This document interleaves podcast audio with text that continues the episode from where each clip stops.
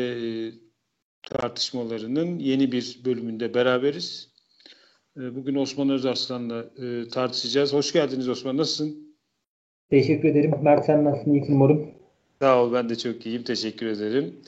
Şimdi bugün e, aslında sıra dışı bir başlık e, Weblen üzerinden kıvılcımlı tartışmak. E, biz Osman'la böyle ilk programı hazırlarken bir ayaküstü bir iki telefon görüşmesinde böyle bir başlık konuştuk ama ben de açıkçası merak ve heyecanla buradan ne çıkacak diye bekliyorum. Çünkü e, gerçekten hem Veblen'de e, sıra dışı bir isim. Hani kurumsal iktisadın kurucusu, aylak sınıfın teorisi diye ünlü bir eseri var. Aslında e, oldukça kendi döneminde nevi şahsına münasır bir tip. E, yani bakıldığı zaman hem iktisada yaklaşımı hem işte belki o Norveç kökenliliğinden kaynaklanan işte kapitalizm eleştirisi ama bunu da Marksizmin dışında bir çerçevede yapması, emek değer teorisinin dışında bir yaklaşım geliştirmesi ve daha çok tüketimi e, e, merkeze koyması aslında ciddi bir e, anti-Marksist demeyelim de Marksizm dışı bir kapitalizm eleştirisi ve aslında o da egemen sınıfların bir fazlalık olduğunu düşünen de bir isim. E, bu barbarlık vesaire meseleleriyle de aslında bir sosyal antropoloji bağlamında ilişkilenmiş ve birçok şeyin de tarihsel olarak e, günümüze sarktığını ve bu aylaklığın çalışmamanın e, aslında bir zenginlik statüsünün işareti olarak gösterildiğini falan. Aslında çok ilginç tezleri olan bir isim yani. Şimdi bugün Kıvılcımlı ile bunun nasıl birlikte okunabileceğiyle ilgili bir şey yapacağız. Geçen hafta blogu yapamadık. Bu konuda biraz eleştiriler de aldık. Ee, ama bu biraz e, işte teknik bir aksaklık diyelim. Tanıl Bora'nın programı ile ilgili bir e, sorunumuz oldu. Onu 12'sinde yapabileceğiz. E, umarım e, Necmi Hoca ile de e, Osmanlı Tarihi maddesini yapma şansı bulacağız. Yani bu Aralık ayını yine Kıvılcımlı'nın 50. yılı anmasının e, devamı olarak değerlendirmeye çalışacağız. Tekrar hoş geldin Osman. Ee, hoş buyur sen e, neden böyle bir başlık önerdin? Nasıl bakıyorsun? Weblen'le Kıvılcımlı'yı beraber okumanın ne gibi bir üretkenliği olabilir sence? Ee, ya şöyle mi yapıyoruz? Yani bir tür böyle hani soru cevap ve konuşma şeklinde mi yoksa ben yani genel olarak ne düşündüğümü söyleyip ondan sonra mı? Sen önce bir sunumunu e, yap bence. Ben ondan sonra duruma e, araya belki girip yani arada bir biraz çıkıntılıklar yapabilirim ama sen kendi sunumunu yap. Tamam. Lütfen ben bilek isterim de böyle bir şey. Çünkü yani hani e, insan konuşurken kendisini çok doğru şeyleri çok düzgün bir şekilde ifade ettiğini düşünüyor genelde. Ama ancak tabii dışarıdan dinleyenler bunun böyle olmadığını e, müdahalelerle bildirirlerse daha iyi sonuçlar alınıyor. O yüzden öyle çıkıntılık değil ama yani zaten senin öyle bir şey yapmayacağını biliyorum. Lütfen e, her türlü müdahaleye her zaman açığım. E, herkes tarafından lütfen bunu da söylemiş olayım. Şimdi neden Veblen ve Kıvılcımlı? Şimdi biz aslında e, yani içinde Mert'in de olduğu bir okuma grubuyla e, değişik böyle bir akademik takım okumalar yapıyoruz ve bir süredir işte Kıvılcımlı'nın kim metinlerini de okumaya çalışıyoruz. Burada e, ben bunu yaparken başka bir takım daha kişisel meraklarımdan kaynaklı olarak insanların boş zamanı, e, boş zamanın harcanması, genel olarak boş zamanın değerlendirilmesi üzerine de ayrıca bir takım çalışmalarım var. Yani yüksek lisanstan beri e, bununla benzer çalışmalar yapıyorum. Şimdi bundan dolayı belirli bir noktada haliyle boş zaman deyince ister istemez zaten bu konunun teorisini yapmış iki büyük isim var. Birisi Thorstein Veblen, diğeri de işte Paul Laforge, Marx'ın da damatı olan işte bu e, çalışmanın reddini yazan kişi ister istemez insanların yolu buralardan geçmek durumunda kalıyor. Şimdi burada e, Veblen'e nasıl geldik? Ya da Veblen'le e, Kıvılcım'ın kesiştiği kavşak neresi? Şimdi her ikisi de senin de en başta e, takdim minde söylediğin gibi Mert yani e, barbarlık meselesinin toplumların şekillendirilmesinde oldukça önemli bir yerde olduğunu düşünüyorlar ve e, şeyin yani boş zamanın yani e, gösterişçi tüketimin ve boş zamanın gösterişçi tüketiminin verilen e, barbarlığın orta aşamasından başlayıp yukarı aşamalarında daha sarihleştiğini söylüyor. Ve şeyde e, Kıvılcımlı da medeniyet dediği o bugünün e, yani sınıflı toplumun ortaya çıkmaya başladığı aşamaları da benzer bir yere işaret ediyor. Yani barbarlığın aşağı aşamalarından yukarıya doğru sıçrandığında yavaş yavaş sınıflar, artı değer, din gibi sosyal statü kurumları yavaş yavaş ortaya çıkmaya başlıyor ve sonrasında da işte bildiğimiz şeyler. Şimdi burada sanki e, Kıvılcımlı zaten bir tür yani Marx'ın eksik bıraktığı yerleri ya da Marx'ın coğrafyamızda ilişkin eksik bıraktığı yerleri tanımlamaya çalışırken Veblen'de Mar- e, Kıvılcımlı'nın girmediği yerleri giriyor gibi bir durum var. Ben e, biraz böyle gördüm. Yani Marx, Kıvılcımlı ve Veblen e, her ne kadar Veblen dediğin gibi çok Marksist ya da komünalist bir düşünür olmasa da oralarda bir tür e, ne diyelim extension yazılım sunmuş gibi geliyor. Şimdi burada e, ben bunu nasıl anlatmaya çalışacağım? Şimdi birincisi şu yani Kıvılcımlı'nın tarih tezi çok konuşuldu ama Kıvılcımlı'nın tarih tezinde tarih tezini Veblen'e yakınlaştıran noktayı kısaca bir anlatacağım. Ondan sonra Veblen'in aylak sınıfların teorisinde anlatmaya çalıştığı şeyin ne olduğunu Kıvılcımlı'yla birlikte anlatmaya çalışacağım. Ondan sonra da genel olarak boş zamanın neden önemli olduğunu e, yani sosyolojik ve toplumsal toplum bilimleri açısından boş zamanın ve siyasal olarak neden önemli olduğunu anlatmaya çalışacağım. Şimdi şöyle, bu da tabii hep söylendi, klişeleşen bir cümle belki ama bunu defalarca söylemekte de bir zarar yok. Yani e, Kıvılcımlı e, kendisinin de mütemadiyen serzenişte bulunduğu biçimiyle susuş kumkumasına terk edilmiş bir entelektüel ve e, son derece tutarlı bir devrimci. Kendi durduğu yerden bakarsak pek çok konuda yazılar yazmış. E, oldukça ayrıntılı yazılar yazmış ve bu kadar ayrıntılı yazması belki de onun e, zor anlaşılmasında ve zor okunmasında ya da kavranmasının genelleştirilmesinde, şematize edilmesinde e, önüne bir engel olarak çıkmış meselelerden birisi. Şimdi burada en bilinen Kıvılcım'ın teorilerinden biri onun tarih tezi bildiğiniz üzere.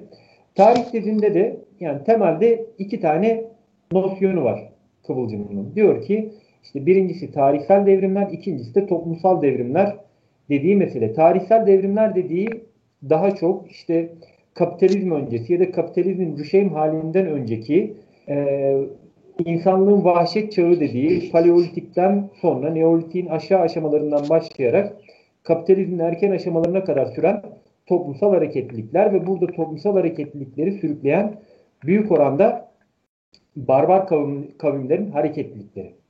Tarihsel hareketlerse e, özür dilerim toplumsal hareketlerse kapitalizmle birlikte ortaya çıkan e, ve kapitalizmin dinamiğini içermekle birlikte bunun da ötesinde sınıfsal hareketlerinde yavaş yavaş şekillenmeye başladığı nosyonlar. Fakat burada önemli olan e, tarihsel ve toplumsal olanı ayırırken yani işte e, Kıvılcım'ın kullandığı önemli bir mesele var. O da şeyde tarihsel dönem dediği dönemde medeniyeti sürükleyen ya da medeniyetin, toplumların medeniyetin hangi aşamalarda kalacağını belirleyen şey insanların e, iktisadi duruşları ya da toplumların iktisadi duruşları. Yani tarihsel süreçlerde önemli olan şey tefeci bezirgan e, faaliyeti.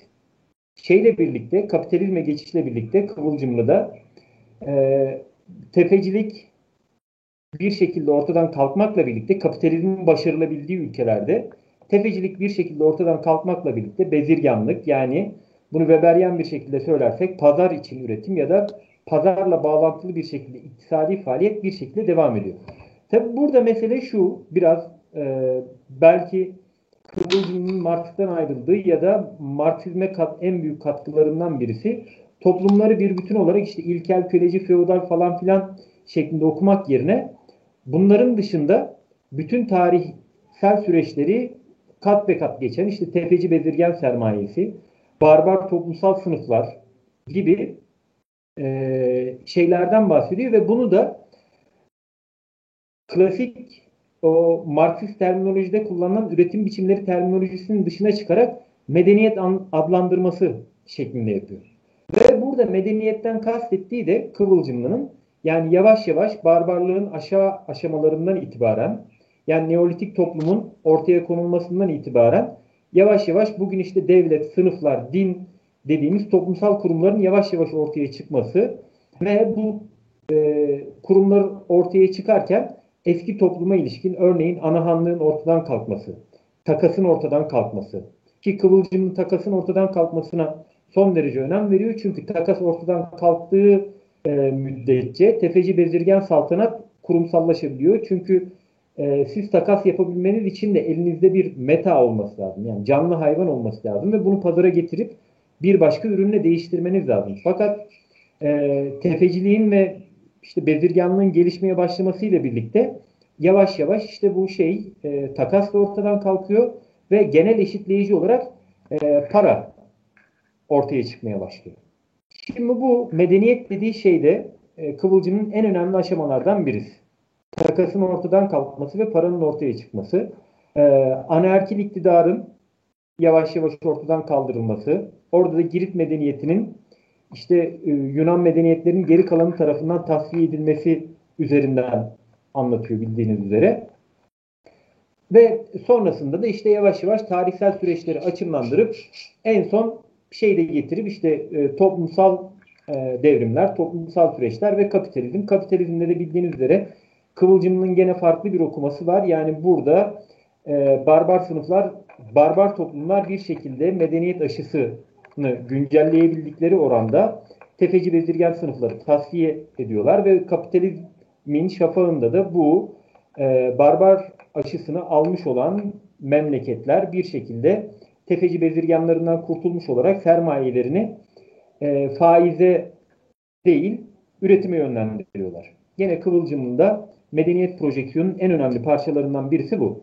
Şimdi burada e, Veblen'e gelebileceğimiz yer de burası. Yani Kıvılcımlı'da Veblen'de toplumu ve medeniyet dedikleri şeyi büyük oranda barbarlık ya da medeniyet lerin kendi içsel çelişkileri ya da çatışkıları üzerinden büyük oranda okuyorlar. Şimdi burada Veblen'in ortaya koymaya çalıştığı en önemli şey bu şeyde e, ahlak sınıfların teorisinde koymaya çalıştığı en önemli şey e, toplumsal sınıfların özellikle üst sınıfların büyük oranda sınırsız tüketim özgürlüğü nün oldukça tutarlı bir şekilde korunması, propaganda edilmesi ve reklam edilmesi üzerinden gerçekleştirildiğini savunuyor. Ve o da e, bu sınıfların yani e, şeyi sadece e, aylak sınıfları kapitalizmin bir meselesi olarak görmüyor.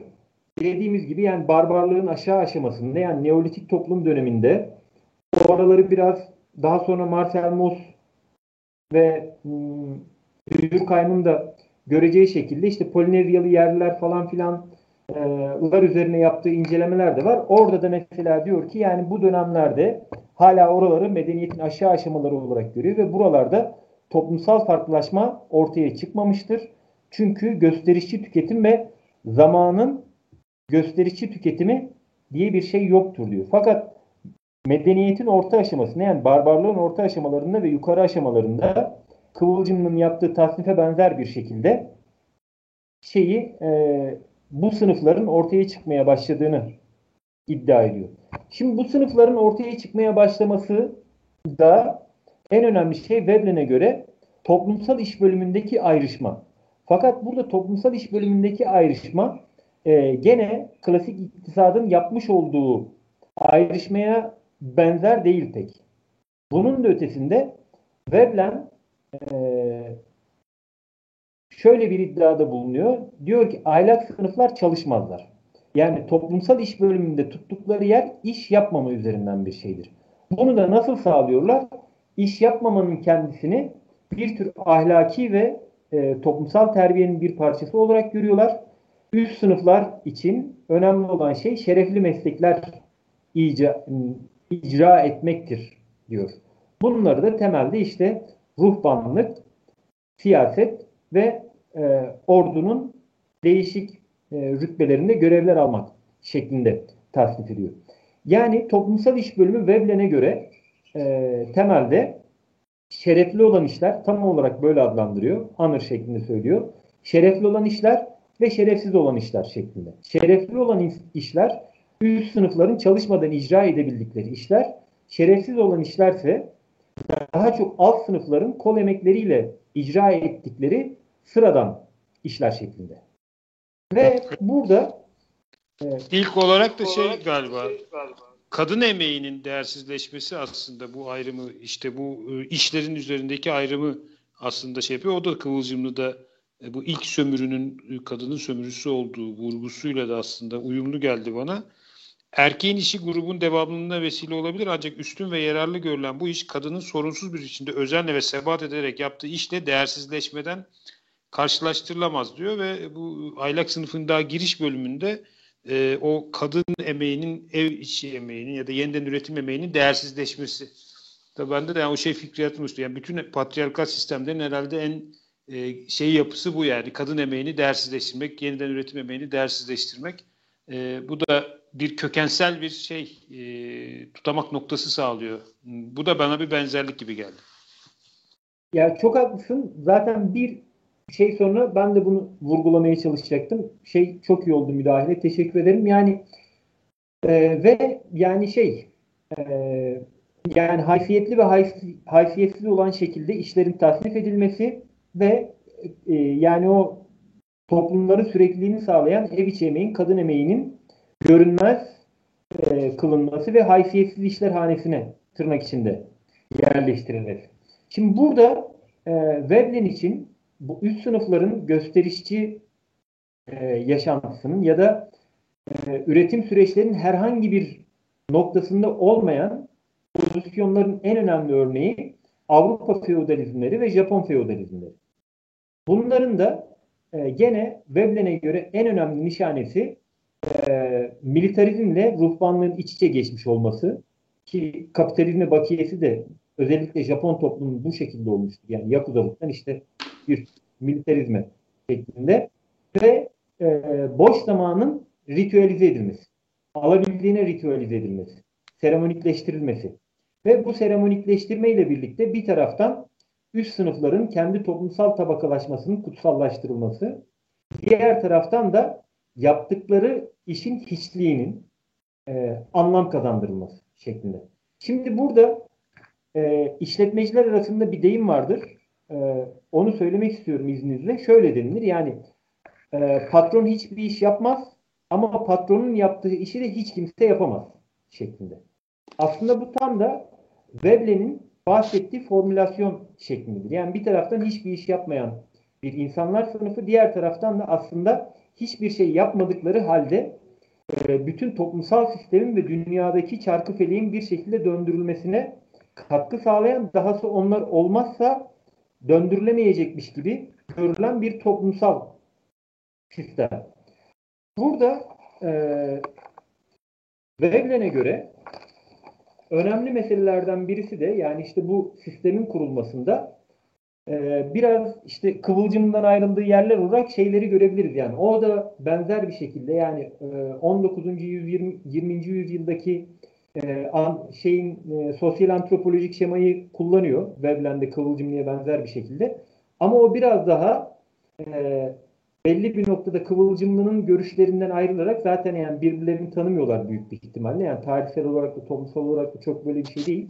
Ama bir e, kopma var. O kopmada Veblen bu barbarlık noktasını açıkladıktan sonra şeye sert bir geçiş yapıyor. Yani insanlar neden böyledir sorusunu soruyor. Tabii Kıvılcım'ın ver, burada verdiği yanıt çok net. Yani bir toplumsal sistem var. Üretim ilişkilerine dayalı bir toplumsal sistem var ve bunu besleyen bir kültürel yapı var. Fakat Veblen burada sosyal darwinist ve biraz da Freudçi bir pozisyon alıp şöyle bir şey söylüyor. İnsanlarda içgüdüler vardır. Dört tane temel içgüdü var. Birincisi ebeveynlik içgüdüsü, ikincisi işte çalışma ustalık içgüdüsü, üçüncüsü boş merak, dördüncüsü de açgözlülük içgüdüsü şeklinde. Şimdi medeniyetleri geliştiren, endüstriyel, üretken e, ve dolayısıyla sonraki kuşaklara tekamül ettiren ilk üç e, içgüdü. Yani ebeveynlik, çalışma ve merak. Fakat şeye gelince, açgözlülüğe gelince o da e, toplumların çöküşüne yol açan e, bir içgüdü. İşte burada yine aslında bir tür e, bunun yani açgözlülük meselesinin toplumları çökerten bir şey olarak konulmasıyla birlikte yeniden Kıvılcımlı ve İbni Haldun makasına belki tekrar geriye dönmüş olabiliyoruz. Çünkü Kıvılcım'da da biliyorsun böyle bir şey var. Yani toplumlar yani İbni Haldun'un o meşhur harfiyet okumasından kaynaklı olarak e, toplumlar yerleşik hale geldikçe işte tefeci bezirganlar sistemi yeniden ve yeniden ele geçirdikçe aç gözleştikçe e, işte o meşhur e, yılanın kendisini tüketmesi gibi toplumlar da kendisini tüketip bir sonraki barbar aşısına, e, aşısına ya da barbar işgaline kadar çöküyorlar. Bu şey yine bir küçük giriş yapabilir miyim? Ee, bu e, yine bu barbarlıkla ilgili yiğitliğin modern varlığını sürdürme durumları e, bölümünde aylaklık kitabında şöyle bir pasaj var. Medeni Avrupa'da aylaklığın miras kaldığı sınıfın orta sınıflara göre daha yüksek dereceden bir savaşçı ruhla donanmış olduğuna ilişkin bir önermenin kabul edilmesi için diretmeye gerek yoktur. Doğrusunu söylemek gerekirse aylak sınıf bir gurur meselesi olarak ve kuşkusuz bir takım sebeplere dayanarak bir e, temayüz olduğunu ileri sürer. Savaş onursal bir şeydir diye devam ediyor. Savaşma coşkusu ve bir gösterge olan yağmacı mizaç en çok üst sınıflar arasında özellikle de aylaklığın miras kaldığı sınıflar arasında yaygındır. Aslında bu da güçlü bir gözlem. Hem bu Kıvılcımlı'nın e, işte tam Magna Carta'yı da o e, bir otorite kabul etmeyen feodal beylerin barbarlık e, geçmişiyle ilişkilendirmesi e, ve onların savaşçılığını işte Osmanlı tarihinin maddesinde Franklarla Osmanlı'yı karşılaştırdığı bölüm vardı çok çarpıcı. Orada da yani o aslında bunlar e, savaş meydanında birbirlerini gördüklerinde tanıyorlar. Çünkü benzer bir dokudan geliyorlar falan diyor. Yani o feodal beylikle bir tür e, otoriteye karşı direnme ve bunun üzerinden de aslında kendilerini birer otorite olarak kurma ilişkisine dair bir anlatı ve burada tabii hem yağmacılık var hem de bu ilkel sermaye birikimi sürecindeki o yağmacılık işte yani şimdi bu postkolonyal okuma falan açısından da bakıldığında aslında şiddet olgusunun ya da bu yağmalama olgusunun sermaye birikimi açısından da nasıl roller oynayabildiğini e, ortaya koyan çarpıcı bir bölüm gibi geldi bana. Bu en son bu bir şeyler yazarken bu Robert Brenner'ın bu işte feodalizmin yok oluşu meselesiyle ilgili de hani onu da acaba Kıvılcımlı'nın bu İngiltere'de ta, kapitalizmin gelişim meselesiyle ilişkilendirebilir miyiz? Hani orada Brenner e, köylülerin mücadelesi feodalizmi yıkmıştı. Hani ben onu biraz bu tefeci bezirgen sermayenin etkisini ortadan kaldırmayla e, benzerlik içerisinde okumaya çalışmıştım. Orada da mesela Brenner şeye vurgu yapmış. Yani 11. yüzyıldaki Norman e, aşısının, barbar aşısının aslında Magna Carta'nın temelini oluşturduğuna dair böyle şey. Yani e, çok enteresan linkler böyle oluşuyor. Tık tık tık tık hani bu nöronların şeyi gibi e, biraz meseleye böyle kıvılcımlı düşüncesini yayma perspektifiyle bakınca gerçekten çok en, e, ilginç düşünsel bağlantılar kurabilmek mümkün ve bana da e, bu özellikle bu 50. yılda en heyecan veren e, işin kısmı bu gibi geliyor. E, yani bunu biraz yakalamaya çalışmamız, e, bunu biraz görmeye, gözlemlemeye çalışmamız ve kıvılcımlığı bu anlamıyla aslında toplumsal düşüncenin farklı ajanlarıyla, farklı e, unsurlarıyla ilişkilendirmeye çalışmamız. O yüzden de e, çok e, heyecan verici geliyor bu anlattıklarım. Buyurun, kusura bakmayın araya bir şey oldu. Estağfurullah, lütfen. Ya tabii şimdi bu yağma meselesi yani yağma talan bezirganlık hikayesi yani Türkiye zaten bu iş için harika bir laboratuvar yani.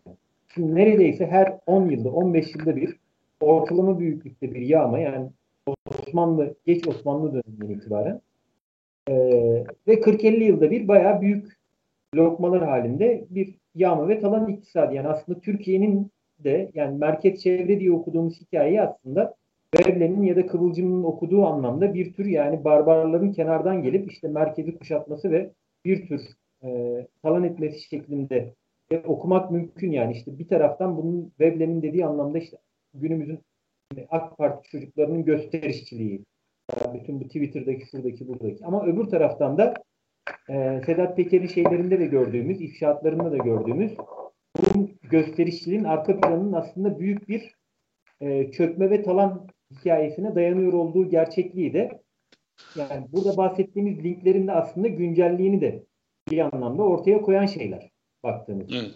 Evet yani bu gösterişçi e, ekonomi gösterişçi harcama meselesi e, bana çok çarpıcı geldi çünkü e, bu özellikle neoliberal çağa çok özgü bir şey gibi ve toplumun parçalanması sürecinde çok belirleyici de bir rol oynuyor. Çünkü kolektivizasyonu çok ciddi anlamda ortadan kaldırıyor. Büyük bir rekabet duygusunu herkesin içine çok güçlü bir şekilde oturuyor. Foucault'un o şey vurgusunu anımsatıyor. Yani herkesin kendisini bir şirket gibi algıladığı, bir yani sanki borsada değerlenmekte olan bir gayrimenkul e, gibi görmesi ve bunun üzerinden de bu gösterişçi harcamaları, gösterişçi tüketimin vesairenin e, büyük bir belli şeylik kazanması ve e, tabi burada bir e, karamsar bir yorum da var Veblen'de.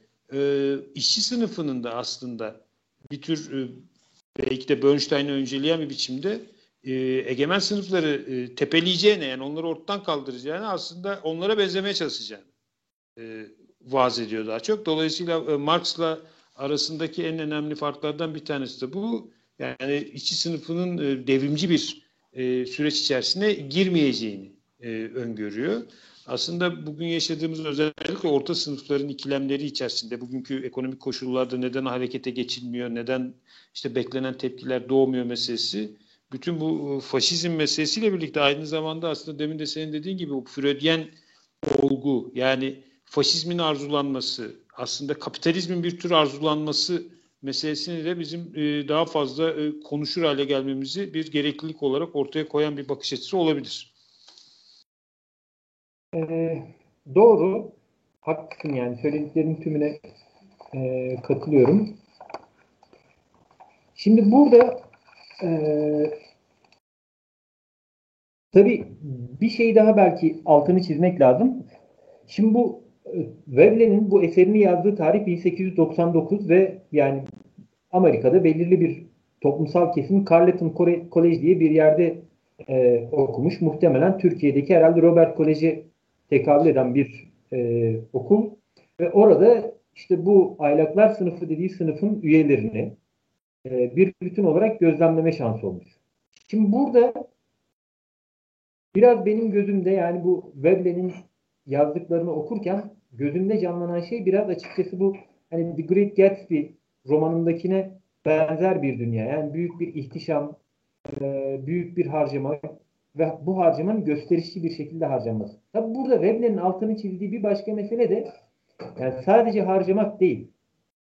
Nasıl harcadığım da son derece önemlidir diyor. Ve yani işte bu kolejler şunlar bunlar aracılığıyla da e, ya da değişik işte Rotary kulüpler ve benzeri kulüpler aracılığıyla da aslında evet harcayacaksın ama harcamanın nasılının da bir kültür olarak ya da e, Bourdieu'nun bahsettiği anlamda toplumsal habitus levhalarının içselleştirilmiş biçimleri olarak da gerçekleştirilmesi gerektiğine ilişkin bir takım mekanizmaların da oluşturulmasına ilişkin son derece önemli şeyler söylüyor. Burada tabii bütün bu gösterişçilik içerisinde yani özellikle modern dünyada, modern Amerika'da Veblen'in mütemadiyen altını çizdiği en önemli şey emekten kaçmak. Yani e, fiziksel anlamda üretken olmamak, üretim zincirinin herhangi bir yerinde durmamak, aylak sınıfların e, terbiyesinin bir gereği. O habitusun en önemli parçalarından birisi. Şimdi burada ben e, Veblen üzerine söyleyeceklerim büyük oranda e, tamamladım. Biraz daha buradan şeye geçmek istiyorum. Yani e, boş zaman meselesi aslında teorik olarak büyük bir boşluk şeklinde de duruyor. Ee, ben biraz da bunu konuşmak istiyorum. Çünkü yani şeye ilişkin, boş zamana ilişkin tartışma e, yani sosyalistler arasında da, sınıf teorisyenler arasında da çok fazla yapılmış bir şey değil.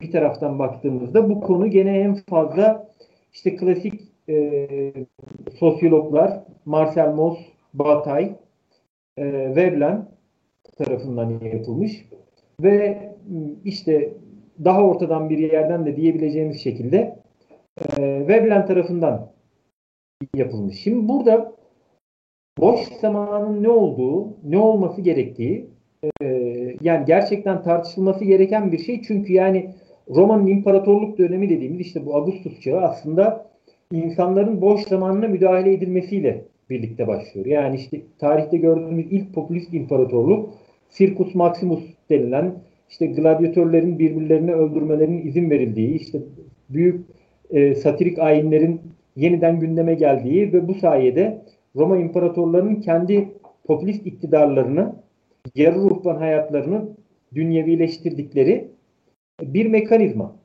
Şimdi bu e, insanların boş zamanına müdahale meselesi ya da boş zamanda ne olacağı meselesi sosyalist teorinin içerisindeki en büyük boşluklardan birisi belki. Hatta Yalçın Küçük Bilim ve Edebiyat kitabında sonrasında işte Sovyetler Birliği'nde sosyalizmin çözülüşü kitabında Sovyetler Birliği'nin çöküşünü bir bütün olarak e, insanların boş zamanı vardı ama bu boş zaman pek de hoş değildi. Yani insanlar boş zamanlarında ne yapacaklarını bilmiyorlardı. E, argümanıyla besler e, büyük oranda. Şimdi burada şey yeniden Veblen'e dönersek e, boş zamanın gösterişçi harcaması üst sınıfların inşa edilmesindeki en önemli mekanizmalardan birisi. Benzer bir şeyi George Bataille söylüyor. O da yani gösterişçi harcamayı ya da e, gösterişçi bir şekilde borç zamana sahip olmayı e, toplumsal olarak lanetli pay diyor. İşte Curse Share dediği hikaye aslında burası ve burada yatır, yaratılan gösterişçilikle e, insanların kendilerine meşruiyet ve statü devşirdiklerini söylüyor. Aynı şekilde Marcel Mauss da gene işte bu Potlaç'ı ele aldığı kitabında e, şeyin gösterişçi tüketimin toplumsal sınıfların oluşmasında, şeflik sistemin oluşmasında ve ortaya konulmasında gene en önemli mekanizma olduğunu söylüyor. Ee, burada zaman ya da boş zaman ya da zamanla bizim ne yapacağımız meselesinde işte Laforge bir tür çalışmama hakkı ya da tembellik hakkı olarak ortaya koyduğu bir e, formülasyon var. Marx'ın da Alman ideolojisinde ortaya koyduğu o meşhur işte öğleye kadar çalış, öğleden sonra balık avlamaya git, ikindin işte edebiyat eleştirisi yap, gecede tiyatroda oyna filan gibi böyle bir e, zamanı komünalist bir şekilde dilimlere ayırdığı bir durum var. Bunların hepsine baktığımızda aslında genel olarak e, bir taraftan biz gösterişçi tüketimin ve zamanın gösterişçi harcanmasının üst sınıfların e, bir tür meşruiyet mekanizması olduğunu, üst sınıfların habüsünü oluşturan bir şey olduğunu kolaylıkla söyleyebiliyoruz. Yani işte bunu Bourdieu da söyledi, Foucault da yer yer söyledi, Marcel Mauss da söyledi, Veblen de zaten bunu 1900'lerde söylemiş. Fakat bunun yerine alternatif olarak biz ne koyacağız dediğimizde buralarda sanki daha büyük boşluklar var. İşte kültür sanat faaliyetleri demek e, biraz sanki işin kolayına kaçmakmış gibi geliyor. Ya da buraları çok fazla boş bıraktığımızda popülizmlerin işte Roma İmparatorluğu'nda ya da işte modern faşizmlerde olduğu gibi rahatlıkla popülizmlerin bu boş zamanların üzerine popülist faşist rejimlerin bu boş zamanların üzerine inşa edilebildiklerini rahatlıkla gözlemleyebiliyoruz. Dolayısıyla bu boş zamanın e, yoksullar açısından nasıl kullanılacağı, neye hizmet edeceği meselesine biraz daha düşünmek, kafa yormak sanki önemlidir diyeyim ve bitirmiş olayım ben. Ya Buradan, bu şeyi tam tam ne kastediyorsun ondan? Yani faşizmin boş zamanın örgütlenmesi üzerinden inşası meselesi. Onu biraz açabilir misin? Tabii. Ya bu meşhur şey hikayesi var ya yani işte 3F ya da 3S diye formüle edilir. Yani işte Salazar şey diyesiymiş. Mesela ben e, toplumu 3F ile şey 3S ile seks, spor, siyaset e, işte Franco'da futbol, faşizm, fado şeklinde bir şey. Şimdi bunlar aslında baktığımızda boş zaman projeksiyonları. Yani insanların boş zamanlarını popülist, faşizan bir takım e, işlerle iştigal ettirilmesinin sağlanması şeklinde. Yani 90'larda bu e, medyalar ya da daha ana akım mecralar daha güçlüyken boş zaman denilen bir şey e, siyasetin daha kolaylıkla sirayet edip müdahale edebildiği yerler. Yani işte Galatasaray ile Manchester maçından sonra örneğin KDV %15'ten %18'e çıkmıştı gibi. Hı hı. Şimdi buralardan baktığımızda biraz daha popülizmin ve faşizmin kitle tabanını bulabildiği, faaliyetlerin gerçekleştirilebildiği alanlar şeklinde bir şey e, benim kastettiğim bir şey. Ve tabii burada sadece futbol da değil. Yani bir bütün olarak daha bizim lümpen kültür dediğimiz şeyin işte meyhane kültürü ya da fuhuş sektörü bir bütün olarak ee, gibi şeyleri kastediyorum ben. Hmm, evet yani, yani e, bir tür boş zaman, zaman örgütlenmesi üzerinden elde edilen meşruiyetlerle e, aslında baskıcı bir rejimin kendisine dair rıza üretme kapasitesi. Şimdi burada mesela e, sol, sosyalistler hani sonuçta Marx'ın o tarifi tabii çok cazip. E, işte çalışma süreleri azalacak. Hele de işte bu bir teknolojik gelişme söylemiyle birlikte gerçi biz geçen Utku'yla bir tartışma yaptık. Belki devam edeceğiz. Bilmiyorum gördün mü de. Orada Utku e, istihdamın e, yoğunlaşarak arttığını, işçi sınıfının daha fazla istihdam edildiğini söylüyor ama e, işte biraz da mesela Türkiye'de istihdamın yüzde kırklarda takılmış olması, işsizliğin çok yoğunlaşmış olması ve bir taraftan çalışma imkanlarının da giderek daralıyor olması bunu kısmen otomasyonun gelişimiyle falan açıklayanlar da var ama bir taraftan da bu yatırımların azalması ve kapitalizmin yapısal bir e, sorunu gibi gözüküyor dünyanın birçok yerinde. E, şimdi dolayısıyla dediğin gibi boş zamanın örgütlenmesi meselesi çok daha belirleyici bir şey olarak işte kapitalizmin bu gelişim ivmesiyle de bakıldığında yeterince istihdam yaratamayan filan bir şey olarak e, ortaya çıkıyor.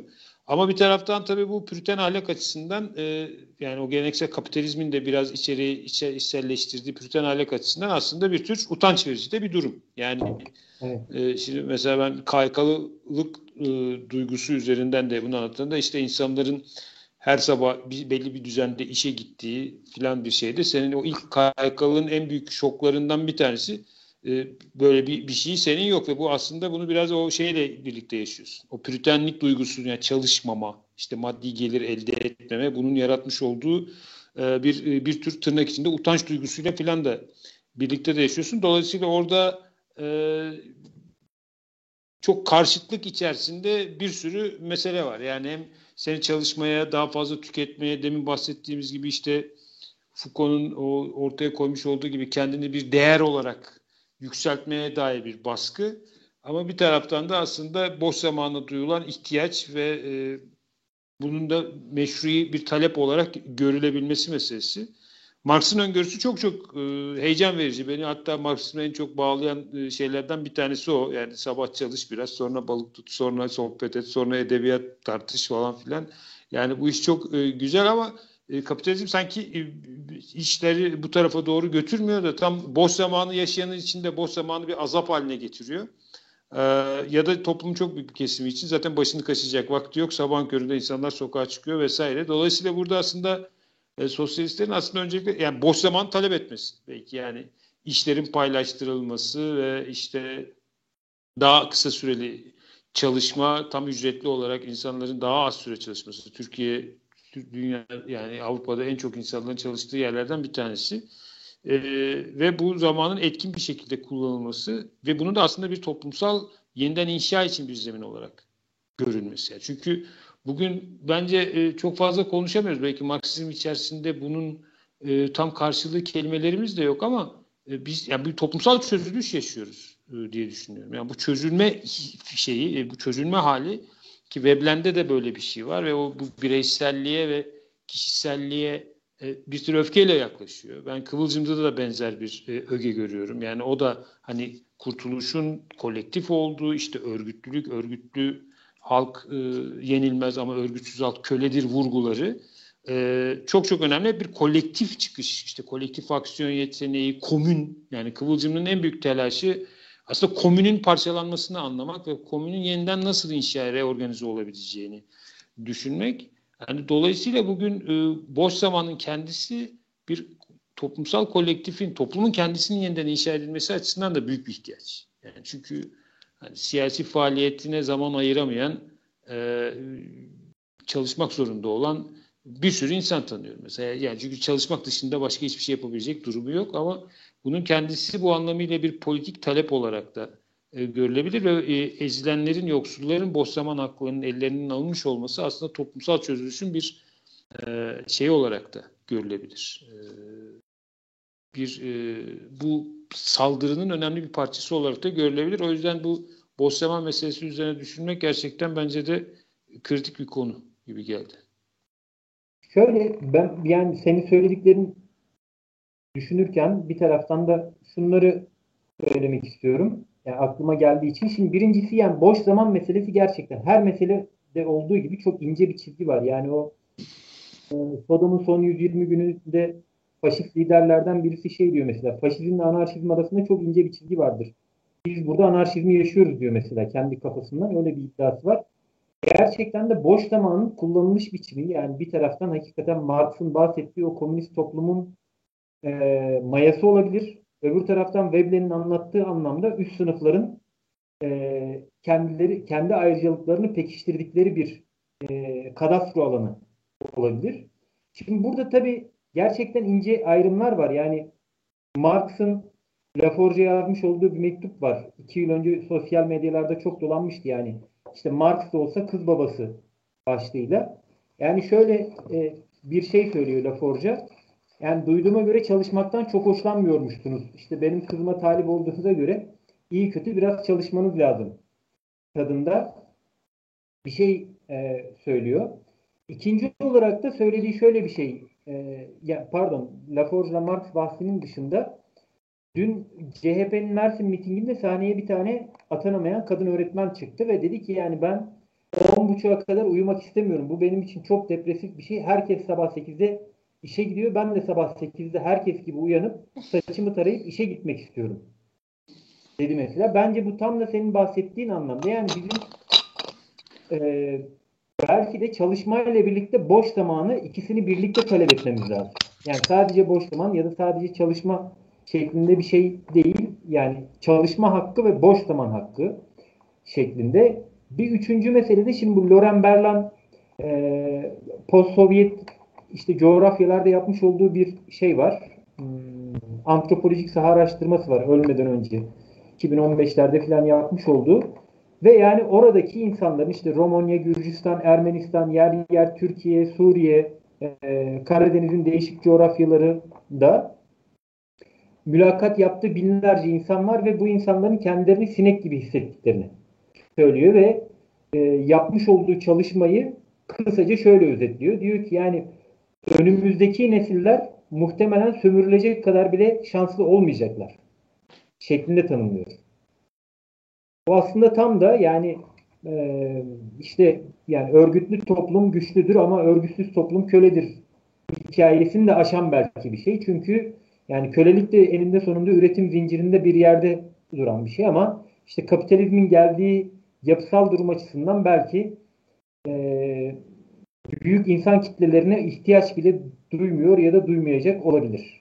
Evet yani bir artık nüfus artık, olgusu var yani olgusu bugün artık bu çok bariz ve bu artık nüfusun yönetilmesi meselesinin kendisi de e, kapitalizmin önemli bir sorunu. İşte bu yaşadığımız e, mülteci e, ya da göçmen sorunu üzerinden Avrupa yani bilmiyorum takip ediyor musun? Fransız seçimleri var gelecek sene. Zemur diye bir e, faşist var. Yani Le Pen'e bile rahmet okutacak bir e, üslup ve dille e, bir yandan o üst sınıfların kibrini çok net bir şekilde yansıtıyor ama çok daha saldırgan e, bir dil kullanıyor ve şu anda anladığım kadarıyla Fransız seçimlerini bayağı e, baskılayacak gibi gözüküyor. Bizim Mehmet sağ olsun yine bizi sıkıştırmak için bir soru göndermiş. Ben seninle onu paylaşayım. E, Marx Alman ideolojisinde iş ve boş zaman ayrımının e, kapitalist üretim ve yoğunlaşma ile başladığını ve bu ayrımın aşılması gerekliliğini ifade ediyordu bildiğim kadarıyla. Buna ne denebilir diyor. İş ve boş zaman ayrımının ortadan e, kalkması gerektiği fikri ben çok yani hatırlayamadım yani bir daha bir bakmak lazım açıkçası ama e, iş ve boş zamanı ayrımının ortadan kalkması bana biraz e, bu pandemi sürecinde evden çalışma fikriyatını hatırlatıyor. Yani e, çok hayra alamet bir şey gibi e, gözükmüyor. Yani evet yani gerçekten işin kendisinin tamamıyla işçi sınıfının kendi denetimine alınmış olduğu ve demokratikleştirilmiş olduğu bir süreçte e, bu şey ama yani bu work ve labor yani bizde şimdi iş deyince tam Türkçe'de belki şey değil ama work ve labor açısından düşünüldüğünde yani labor'ın e, labor olan kısmının hayatımızda olabildiğince azalması ama diğer work'ün yani işte sevdiklerimizle beraber bir şeyler yapmak işte ne bileyim istediğimiz metinleri okumak. Değil mi? Ya benim şu anda en büyük korkularımdan bir tanesi valla istediğim bir sürü şey okuyamadan öleceğim herhalde. Yani çünkü o kadar çok fazla birikiyor ki yani alıyoruz alıyoruz bir kenara onları koyamadan zamanımız ömrümüz yetmeden gidecek. Yani dolayısıyla bu ayrımın ortadan kalkması bana e, bu haliyle bayağı ürkütücü geliyor ama eğer e, şu anda daha öncelikli hedefimiz mümkün mertebe e, bu çalışma sürelerini azaltmak ama çalışma sürelerinin azaltılmasını sağlarken de bunu kolektif olarak hepimiz için başarabilmek. Yoksa dediğin gibi birileri için çalışma saatleri azaldığında bunun bu sefer başka manevi yükleri oluyor. Ee, o Kaykalı arkadaşın ne dediğini ben çok iyi anlayabiliyorum. Ben onu sabah sporuyla e, telafi ettim büyük oranda. Her sabah yoğun bir şekilde, disiplinli bir şekilde spor yaparak o sabah e, geç saatlere kadar şey yapma fikriyatını, e, durumunu e, müdahale etmeyi bir şekilde becerdim ama sen ne dersin bu Mehmet'in meselesiyle ilgili? Şimdi öncelikle ben Mehmet abiye dünyanın işte böyle şey gibi de yapmak istemiyorum yani. Kestane balının memleketi Burdur'dan diye. Neyse yani Almanya'da ve başka yerlerde dinleyen arkadaşlar varsa herkese e, öncelikle selam edeyim. Bilhassa Mehmet abiye de mahsus selamlar. Ama şimdi şöyle bence ben oradaki tartışmayı hatırladığım kadarıyla olan mesele oradaki şu.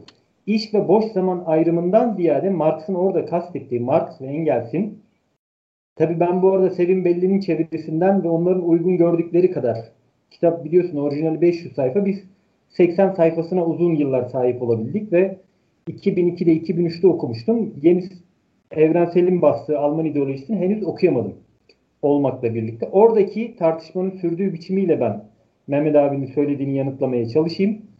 Şimdi oradaki bahsettiği iş ve boş zaman ayrımından ziyade işin kendisine yapılacak olan müdahale. Marx diyor ki bu çalışma ve boş zaman meselesini anlatırken iş saatlerini kısalttığımızda yani 4 saati 3 saate çekebilirsek işin kendisi zaten yabancılaştırıcı bir mesele olmaktan çıkıp bir eyleyiş haline gelecektir diyor. Yani işin kendisindeki bıktırıcı, köleleştirici, insanın kendi emeğini ve bedenine yabancılaştırıcı özellikleri arındıktan sonra işin niteliksel olarak ilkel komündeki gibi işte bir e, herhangi bir faaliyetten kültür sanat faaliyetinden ya da spor faaliyetinden farkı kalmayacaktır diyor. Dolayısıyla burada belki oradan boş zamana sıçrıyor olabilir. Yani e, çalışmanın kendisi keyifli bir hale gelecektir sömürü koşulları ortadan kalktığında diyor Marx. Benim anladığım ya da hatırladığım kadarıyla. Ee, dolayısıyla yani bu hakikaten böyle olacak mıdır? Yani işin kendisi e, bir eyleyişe dönüşebilir mi? Çalışma saatleri kısaldığında. E, ben oraları biraz Marx ve Engels'in arzusu olarak okuyorum. Yani bana göre iş iştir. Eğlence de eğlencedir. Yani, yani bir de iş boş zaman ayrımını kapitalist üretim ile başladığını iddia etmek yani Marx böyle bir şey iddia etti mi ben de hatırlamıyorum ama yani bir, böyle bir iddia varsa çok gerçekçi olmadı açık yani çünkü e, antik Yunan'dan vesaire yani bu Veblen'in bahsetmiş olduğu boş zamanın gösteriş için kullanılması meselesi aslında antik dünyanın en önemli öğesi yani oradaki egemen sınıflar işte Aristolarda vesairede de yani çalışmanın bir aşağı faaliyet olduğu öyle de kol faaliyeti kol e, emeğinin bir aşağı faaliyet olduğu hep böyle kodlandığı, böyle anlatıldığı, kölelere atfedilen bir faaliyet olarak değerlendirildiği oldukça açık. Dolayısıyla e, yani bakılabilir tabii yani bugün esas konumuz e, iş e, sosyolojisi değil ama yani e, Kıvılcımlı ve Veblen meselesinden çıkıp buralara geldik. Bence e, güzel de oldu. E, işte istersen yavaş yavaş toparlamaya başlayabiliriz. Olabilir. E, e, yani son bir değerlendirmeni alabilirim eğer uygunsa Osman. Tabii tabii ya şimdi şöyle yani en baştan başlarsak birincisi yani e, bizim gibi sosyalistlerin diyelim yani Kıvılcımlı ekolünden gelmeyenlerin bir defa hani Kıvılcımlı'nın bizzat kendisine özür borcu olduğunu düşünüyorum. Çünkü yani biz pek çok sebepten dolayı hani e, mesela ben kendi adıma Kıvılcımlı'yı uzun yıllar Garbiz'in söylediği biçimde tanıdım. Bir başkası Murat Belge'nin söylediği biçimde, bir başkası şunun dediği, bunun dediği. Yani birincil metinleri çok fazla okumadık ve bu okumamanın sonucunda da yani işte bunu da bir tür softalık olarak yaptık. Yani klasik metinlerine sadık kalma ya da ideolojik çizgiden sapmama gibi tuhaf e, şeyler için ama tabii bu bütün bu geride işte yani Kıvılcım'ın ölümünün üzerinden 50 yıl geçmiş ve bu yıllar boyunca da Kıvılcım'ın gerçekten ne Türkiye'de ne dünyada hak ettiği yere maalesef gelemediğini görüyoruz. Fakat e, asıl beni şahsi olarak pişmanlığa sürükleyen şeyse yani işte kadınlar sınıfını, işte Osmanlı toplumunun maddesini, tarih tezini, ordu üzerine yazdıkları ve benzeri ve benzeri yazdıkça aslında yani burada söylenenlerin doğruluğunun yanlışlığının da ötesinde bir bakış açısı olarak e, yeni bir bakış açısı olarak ya da bakış açılarını e, değişik değişik noktalara yerleştirmekten korkmayan bir insan olarak kıvılcımlıyı tanımamış olmak benim için büyük bir üzüntü kaynağı. Hiçbir şey öğrenmiyorsak bunu öğrenebiliyoruz. Ve bunu da zaten öğrenmemiz gerekiyor. Yani işte biraz Sovyetçi, Çinci, Arnavutçu, şuncu buncu onların kamerayı yerleştirdiği bir yer var ve yani 50 yıldır, 100 yıldır oraya bakıyoruz ama akademik dünyada araştırmalar şekillendikçe e, değişik bakış açıları ortaya çıkıyor ve e, buralar geliştikçe aslında bunların bir kısmını iktidai de olsa aslında Kıvılcımlı'nın söylemiş olduğunu görebiliyoruz. Ve işte Veblen'i okurken de ben en fazla bunu hissettim. Yani evet ya Kıvılcımlı da buna benzer bir şey söyledi. Kıvılcımlı'da da benzer bir yaklaşım var. Onun şemasında da buna benzer kodlar var şeklinde. Yani burada aslında yapmamız gereken şey Kıvılcımlı'yı öncelikle kendisinden sonra da başka başka Türkiye'li ya da dünyanın değişik yerlerindeki sosyologlar, iktisatçılar, Marksistler ya da yani neyse mesleği değişik teorisyenler aracılığıyla okumak e, bence hem kıvılcımlı teorisini hem de genel olarak teorinin kendisini zenginleştirecektir. Ve böylelikle bizde bir tür yani e, kıvılcımlıya karşı yani uzunca bir süredir içinde bulunduğumuz vefasızlığın e, cizyesini diyelim bir kısmını en azından ödemiş olacağızdır diyebilirim kendi adıma. Evet, çok çok teşekkürler Osman. Gerçekten e, çok kıymetli bir bağlantı kurmuş olduk buradan da. Bunu ben gerçekten o insanların beyninde düşündükçe yeni oluşan nöron bağlantıları gibi değerlendiriyorum. Bu akşam kurulan bu link mutlaka birilerinin e, derinleşebileceği bir zemin yaratacaktır diye düşünüyorum. Blog tartışmasını da bu anlamda heyecanla bekliyoruz. Orada da çünkü evet, bir, e, orada da bir şey var. E, vaha olacağını, ortaya çıkacağını bir e, şeyi yakalayacağımızı düşünüyorum. Yani bu bu bakış açısı, bu şey heyecanı yani yeni düşünceler e, geliştirmek, yeni bakış açıları geliştirmek, yeni sentezler üretmek ilk başta eklektik gibi dursa bile aslında zaman içerisinde olgunlaşarak kendini kökleştirebilecek e, düşünce e, şeyleri diyelim yani damlaları ortaya koyabilmek bence içinde bulunduğumuz bu büyük kırılma anında bize önemli bir ufuk kazandırma potansiyeli taşıyor. O yüzden ben de bu 50. yıl faaliyetinin bu yönünü e, çok e, mutlulukla sahipleniyorum. Yani evet biz bütün bu farklı düşüncelerle tartışarak şey yaparak yani böyle bir kıvılcımlı dar bir zeminde yani bir tür ayinsel bir ritüel içerisinde sahiplenmeden, kavramadan onu açarak böylesi ilişkiler ve temaslar içerisinde zaman zaman eleştirerek ama eleştirel bir biçimde de sahiplenerek e, ve yeni noktalarda e, kıymetini yeniden fark ederek e, önemli bir e, aşama kaydediyoruz diye düşünüyorum. Senin de bu sürece bu katkından dolayı sana çok çok teşekkür ediyorum. Ben ee, için ben teşekkür ederim. Ne demek? Kendinize çok iyi bakın. Ee, Osman Özarslan'a çok teşekkür ederiz. İzleyicilerimize de e, bizimle beraber oldukları için e, tekrar çok teşekkür ediyoruz. Görüşmek üzere. Haftaya e, yeni bir e, tartışmayla beraber olacağız. Herhalde Tanıl Bora ve Barış Aydın'la haftaya programımızı bu sefer gerçekleştireceğiz. Peki çok teşekkürler herkese. İyi akşamlar.